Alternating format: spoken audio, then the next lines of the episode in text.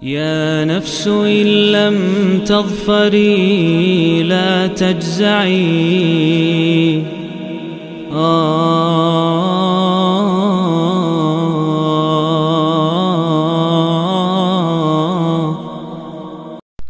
بسم الله الرحمن الرحيم الحمد لله والصلاة والسلام على رسول الله وعلى آله وأصحابه ومن تبع هداه بعد Para jamaah sekalian, Masih bersama program 114 hari Menyambut bulan Ramadan Dan sekarang sudah masuk Surat yang ke-18 Surat Al-Kahfi atau Al-Kahf Surat ini yang merupakan surat Makiyah Turun setelah surat Al-Ghashiyah Dan turun sebelum surat An-Nahl. Terdiri dari 110 ayat. Surat ini disebut dengan surat Al-Kahfi yang artinya gua di gunung, yakni gua tapi uh, tidak semua gua disebut kahf. Hanya gua yang ada di gunung yang disebut kahf. Uh, karena memang Allah Subhanahu wa taala tidak menyebut kata Al-Kahf di dalam surat-surat Al-Qur'an semuanya kecuali di surat ini saja sebanyak empat kali bahkan. Dan Al-Kahf sendiri disebutkan terkait dengan kisah pemuda-pemuda yang dikenal dengan Ashabul Kahfi. Cerita Ashabul Kahfi sendiri dimulai di tahun 250 Masehi saat Kaisar Romawi yang waktu itu bernama Decius di tahun tersebut tahun 250 Masehi memaksakan sejumlah masyarakatnya untuk melakukan ritual kemusyrikan.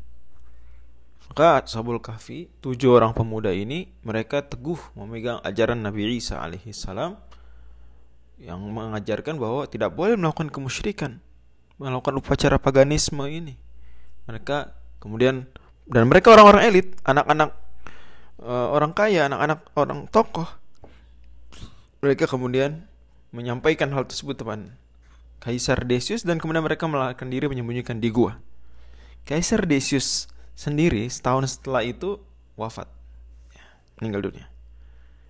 Dan sementara pemuda-pemuda tadi sudah di dalam gua, menyelamatkan diri. Tertidur mereka lama, selama 300 tahun dalam hitungan Masehi dan 309 tahun dalam hitungan Hijriyah. Karenanya Allah Subhanahu wa taala mengatakan Uh, di ayat yang ke-25 wala fi kahfim thalathami'atin sinina wazdadu tis'ah 300 tahun mereka tinggal di dalam 300 tahun. Ini dalam hitungan mereka sendiri hitungan Romawi kalender uh, apa namanya hitungan matahari. Sementara wazdadu tis'ah mereka menambahnya 9 tahun lagi yaitu orang-orang Arab. Kan hitungan mereka dengan bulan. Lebih cepat bergantian tahunnya sehingga 309 tahun. Nah 300 tahun setelah itu berarti tahun 250 tambah 300 Tahun 550 Masehi Ashabul Kahfi bangun.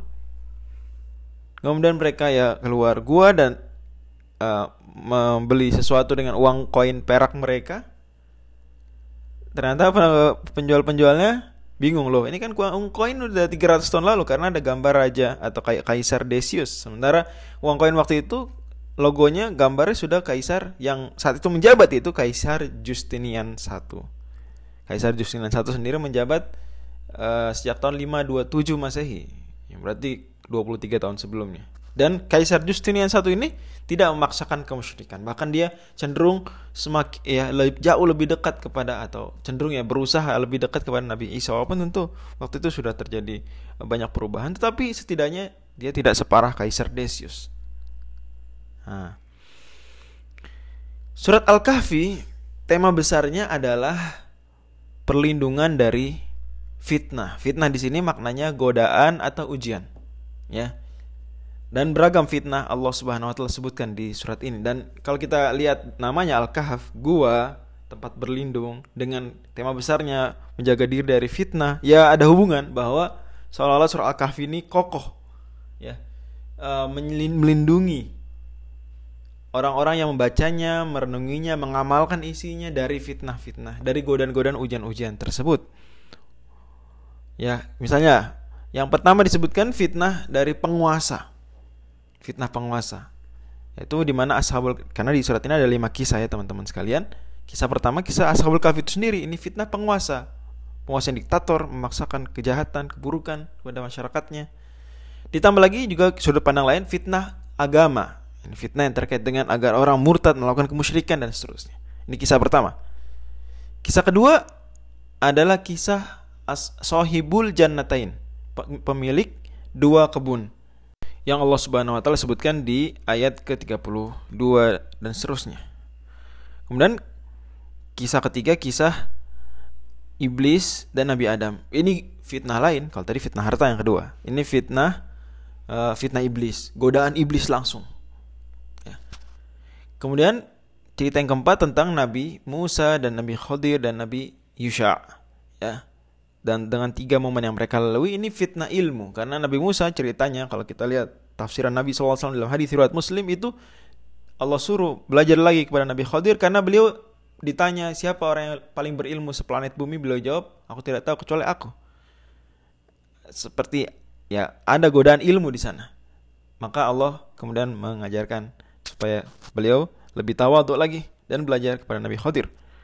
Ini fitnah ilmu. Kemudian uh, kisah yang terakhir kisah Dzulqarnain, Raja Dzulqarnain.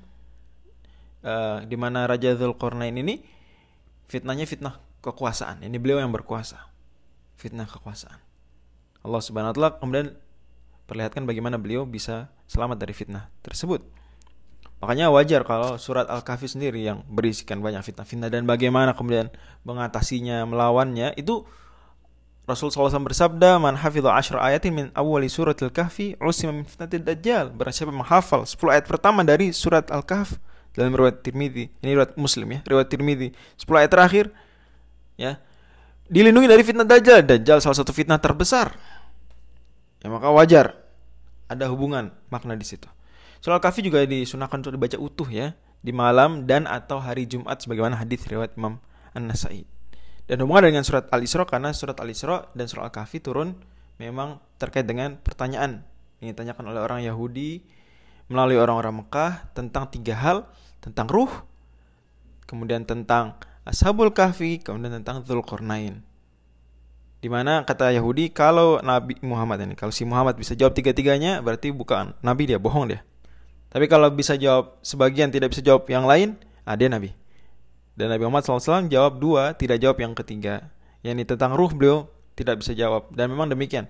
Allah firmankan di surat Al-Isra, Quli ruhu min amrobi wa mautitu min ilmi illa qalila.